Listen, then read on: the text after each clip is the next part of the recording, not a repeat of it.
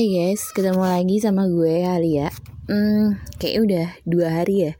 Gue nggak bikin podcast, nggak sharing cerita. Kali ini gue mau sharing apa ya? Hmm, sebentar.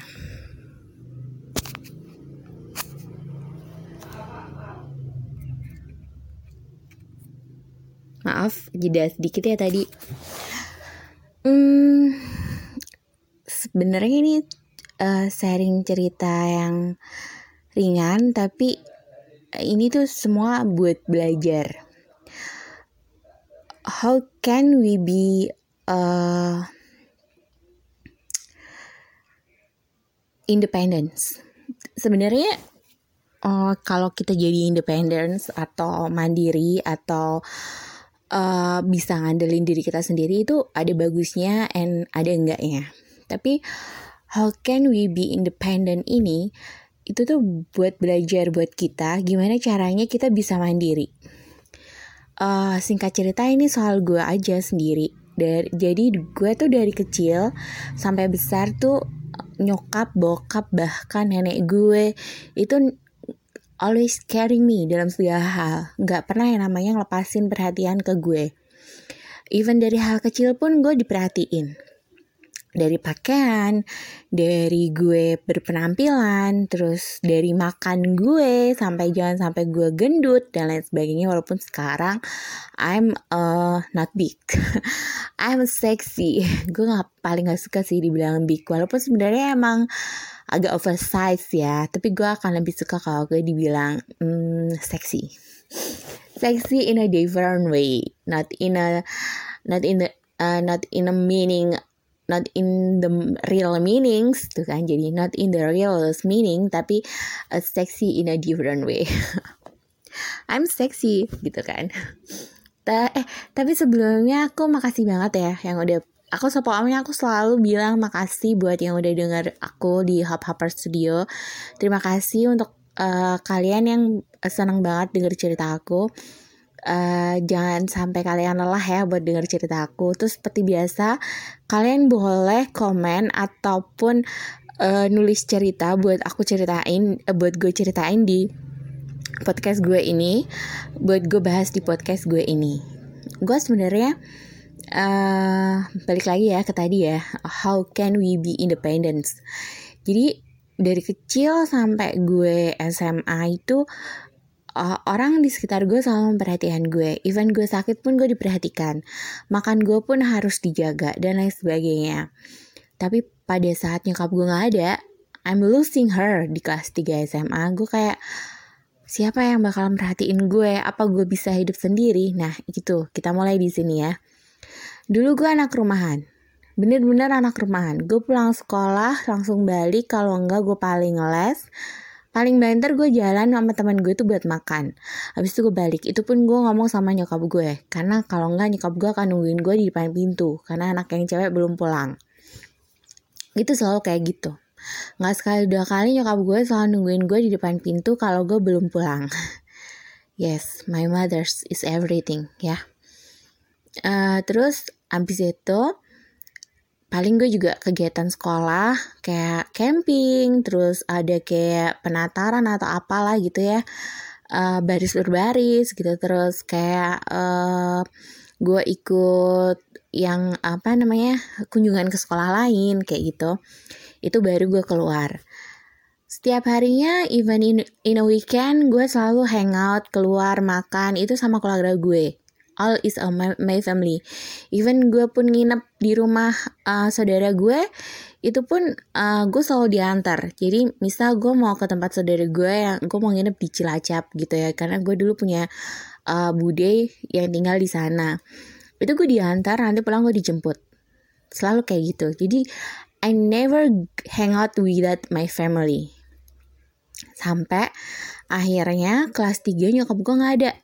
Itu gue agak ini agak oleng ya karena pada saat itu gue sudah mulai uh, mencari kampus untuk gue kuliah uh, for doing my the next step to go to my future ya kan? Ini ini awalnya. Jadi gue bimbingan tuh di Jogja. Karena gue tuh nggak pernah pergi sendiri gue takut apa yang gue takutin? Gue takut nyasar. Apalagi yang gue takutin? Gue takut nanti kalau gue di sana sakit dan lain sebagainya ntar gue gimana? Nah itu kan. Unik kan? Karena gue nggak pernah pergi tanpa keluarga gue. Tapi pilihan gue itu ya that's kind of, that's kind of my choice. Karena emang gue pengen uh, belajar mandiri istilahnya gitu sih ya. Itu pun gue kalau berangkat ke Jogja awal-awal tuh gue diantar sama bokap ya kan? Terus kalau gue pulang gue naik travel. Selalu kayak gitu. Sampai akhirnya gue beraniin diri gue buat naik bis. Gue naik bis. Itu pun dari terminal bis gue nggak naik gue nggak naik angkutan umum. Gue naik taksi. Ke Bibel pun gue naik taksi. Sampai akhirnya gue menemuin cara buat bisa naik angkutan kota menuju kos kosan gue. Itu pun setelah setelah satu minggu gue di Jogja. Karena gue nggak pernah sendiri. Jadi gue ngerasa ini ya kayak gini ya gitu. Di sana pun gue ngerepotin kakak gue. Sebenarnya itu nggak bagus ya tapi karena terus terang aja gue nggak pernah sendiri. Jadi gue ngerasa yang ke mana-mana tuh akhirnya gue minta tolong gitu. Karena gue nggak nggak pernah sendiri. Sampai akhirnya gue memutuskan kuliah untuk kuliah di Semarang. Akhirnya gue keterima kuliah di Semarang di sini uh, awal-awalnya gue ikut sama tante gue tapi gue rasa gue gak akan mandiri karena setiap hari gue tetap aja makan sama tante gue. Terus ada beberapa kalau gue mau ke kampus kadang gue dianterin om gue kan. Terus gue akhirnya memutuskan buat kos dan gue bilang sama bokap gue kalau gue mau naik motor. Dari situ kemandirian gue mulai tertata. Jadi gue udah mulai terbiasa, udah mulai terbiasa hidup dikasih tanggung jawab buat uh, hidup gue sendiri. Awalnya berat karena setiap ada apa-apa pasti gue calling bokap gue. Gue calling bokap gue, gue, gue bilang bokap gue gitu. Begitu juga nenek, nenek gue yang begitu take care all of my uh, apa ya kebutuhan aku gitu, my everyday needs ya dari mulai nanti jangan lupa makan, jangan lupa obat dan lain-lain lah gitu. Jangan kecapean, jangan main mulu dan kayak gitu. Ha, selalu mengkondisikan gue untuk uh, on the tracks, nggak pernah lepas dari tracks gitu kan. Sampai um, semua itu akhirnya bisa buat gue berpikir gitu ternyata gue memang harus bisa memulai hidup gue buat mandiri jadi gue gue harus bisa untuk tidak mengandalkan orang lain dalam kehidupan gue. Tapi di situ uh, gue masih ada tante gue masih ada nenek gue masih ada bokap gue. Jadi kadang-kadang uh, kemandirian gue belum maksimal. Gue rasa karena gue masih selalu membutuhkan mereka kan ya. Terus after gue kelar kuliah gue masih di rumah. Terus gue memutuskan buat ke Jakarta. This is the big part for me to learn ya gimana hidup mandiri dan menghargai orang lain. Karena dari dulu gue itu selalu uh, apa ya namanya selalu ada kebutuhan yang gue butuhin. Dari gue misalnya ya gue mau ke salon gue tinggal minta. Terus gue mau beli baju gue tinggal minta I never thinking to get my money for myself. Even I get money for myself, I works. Itu pun buat gue jajan, buat gue main-main. Karena gue ngerasa bokap gue masih bisa ngasih uang ke gue pada saat itu. Tapi pada saat gue di Jakarta, di situ gue berpikir, nggak mungkin dong gue ngandelin bokap gue terus ya kan dan nggak mungkin gue minta duit bokap gue terus kan karena gue sudah sekolah sudah lulus kuliah saatnya gue bener-bener harus bekerja dengan dengan benar-benar buat menghasilkan uang buat diri gue sendiri agar gue nggak minta lagi ke bokap gue. Dulu pun meskipun gue kuliah terus gue ada kerjaan kalau toh gue ke salon tuh gue pasti minta bokap gue I need money gitu. Untuk ke salon lah untuk apalah gitu. Sebenarnya padahal itu nggak terlalu penting banget ya. Tapi ya gitulah ya. Itu itu hal yang nggak baik buat dicontoh sih sebenarnya karena nggak bagus juga ya kan hal yang kayak gitulah. Dan akhirnya gue ke Jakarta akhirnya gue bisa jadi independen gue bisa ngurus diri gue sendiri menghidupi diri gue sendiri sehingga gue tahu di saat gue susah gue harus ngapain. Karena ada beberapa orang yang nggak bisa uh, hidup mandiri karena dari kecil sampai dari dia besar itu selalu ada perhatian untuk orang tua.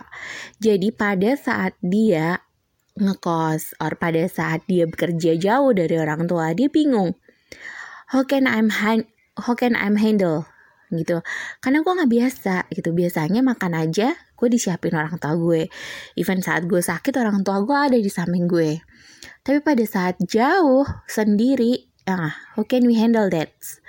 Karena kita harus berpikir nggak semua orang yang kita uh, yang yang kita apa kita kenal itu bisa nolongin kita pada saat kita dalam keadaan yang paling krusial aja deh ya sakit gitu orang tuh kalau sakit pasti butuh perhatian orang lain kan gitu.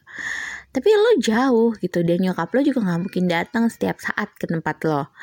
Terus nggak ada juga orang yang dekat di lo gitu. Siapa? Gitu lo mengandalkan siapa? Jadi lo harus mulai berusaha gimana caranya how, how can I'm handle this without uh, anyone? Gimana caranya gue bisa survive dari sakit gue? Gimana caranya gue uh, bisa healing stress gue pada saat gue sendiri. Um, kalau misalkan ada sesuatu yang kayaknya perlu dirubah dalam diri kita ya kita harus berubah gitu. Karena kita harus ini sih kita harus belajar uh, dan harus mengerti kalau nggak selamanya kehidupan kita itu selalu ada pertolongan buat kita kecuali Tuhan ya kan? Karena pada saat terpuruk cuma Tuhan yang bisa nolongin lo nggak ada yang lain. Temen lo saudara lo itu uh, kadang-kadang nggak bisa nolongin lo kalau dia tidak ada di dekat lo. Apalagi nggak setiap saat teman lo bisa nolongin lo. Yang bisa nolongin siapa ya Tuhan. Jadi di situ lo harus mulai belajar gimana caranya gue bisa mandiri, gimana caranya gue bisa being independent. Ya dari hal-hal kecil, ketika gue sakit, gue harus harus telan rasa sakit gue sendiri nih gitu. Kalau gue nggak tahan ya gue berobat, ya gue ke dokter, ya gue ke dokter jalan sendiri karena nggak ada orang lain yang bisa nolongin gue ya kan? Habis itu gimana caranya gue berusaha? Gue makan gue istirahat yang cukup di kosan gue. Gue uh, jauh-jauh jauh-jauhin uh, hal-hal yang bikin gue stres yang bikin gue panik kayak gitu. Tapi jangan pernah kita menuntut perhatian orang lain karena belum tentu orang yang kita tuntut itu bisa buat merhatiin kita satu kali 24 jam. Hey we are human kita bukan mesin, kita bukan Tuhan. We are human. Ya nggak mungkin kita bisa uh, selalu ngejagain lo, selalu apa namanya caring lo satu kali 24 jam gitu. Apalagi you so far away from us gitu. Jadi jangan pernah berpikir kayak gitu gitu jadi pada saat lo jauh pada saat keluarga lo tidak ada di de di dekat lo in around you yaitu survive. Itu emang emang udah udah apa ya udah jadi dasar buat kita. Gimana caranya? How to we are survive? Ketika jauh dari keluarga. Kayak gitu sih. Itu nanti akan uh, buat kita menjadi dewasa. Ya kan buat kita menjadi uh, kuat dan tidak lagi menjadi anak-anak. Kayak gitu. Jadi kita tahu gimana sih caranya kita buat melakukan semua ini tanpa bantuan siapa pun. Terus nanti mindset kita pun akan berubah yang biasanya kita ngandalkan orang lain kita akan berusaha untuk tidak mengandalkan orang lain. Yang biasanya gue perlu orang lain uh, untuk hal tertentu yang nggak terlalu penting gue bisa handle sendiri. Tapi kalau memang itu krusial dan itu penting itu beda hal ya kayak gitu gue rasa gitu sih ya. Uh, how can you be independent? Itu balik lagi semua ke diri lo juga gitu. Kalau di mindset lo selamanya itu lo menjadi anak manja lo menjadi anak yang selalu butuh perhatian orang tua ya akan susah. Meskipun you go so far away from uh, your parents gitu. Karena mindset lo itu pasti akan selalu gangguin orang tua. You will calling her or calling him every night or every minutes ya kan. Misalkan kalau lo panggil uh, nyokap gue gini gini gini, bokap gue gini gini gini yang kayak gitulah ya. Padahal lo harus tahu uh, sebenarnya orang tua lo itu percaya sama lo untuk lo bisa jadi mandiri, untuk lo bisa berdiri sendiri kayak gitu sih tanpa pengawasan orang tua dan lo bisa bertanggung jawab atas diri lo sendiri dan membuktikan ke orang tua lo kalau uh, gue mampu gitu kalian tuh harus bangga sama kita sama gue gitu. Gue mampu gue bisa. Dan uh, gue bisa kok uh, being independent yang kayak gitu. Aduh, cukup simpel ya pembahasannya. Kalau memang ada yang nggak ngerti, boleh juga. Kayak gue tadi, kalian boleh email, uh, kalian boleh DM gue uh, di yang kemarin ya untuk emailnya di nataliealia20 at gmail.com atau kalian bisa DM gue di mama underscore bear underscore food truck. Soalnya kalau DM ke Instagram pribadi gue kadang suka nggak masuk dan gue jarang buka Instagram pribadi gue gitu. Karena hari-hari gue jualan jadi yang gue fokusin ya ke Instagram jualan gue. Kalau kalian DM di sana pasti gue jawab pasti gue balas karena tiap hari gue pegang ya kayak gitu sih. Uh, thank you banget buat kalian yang udah dengerin gue. Uh, terima kasih. Terus apa ya jangan pernah bosen. Terus uh, jangan pernah menjadi orang yang selalu negatif thinking. Uh, jadilah selalu jadi jadilah orang yang selalu berpikiran positif gitu. Karena dengan lo berpikiran positif segala sesuatu yang lo anggap sulit itu akan menjadi mudah. It easy to handle ya kan? Walaupun segala sesuatu itu nggak akan mudah dilalui. Pasti ada aja yang namanya cobaan ada aja yang namanya teguran. Tapi selama lo yakin, lo mampu, pasti lo akan bisa melalui segalanya.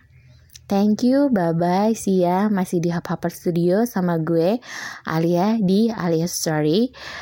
Jangan lupa ya untuk uh, dengerin gue dan follow gue. Thank you. Assalamualaikum. Bye-bye.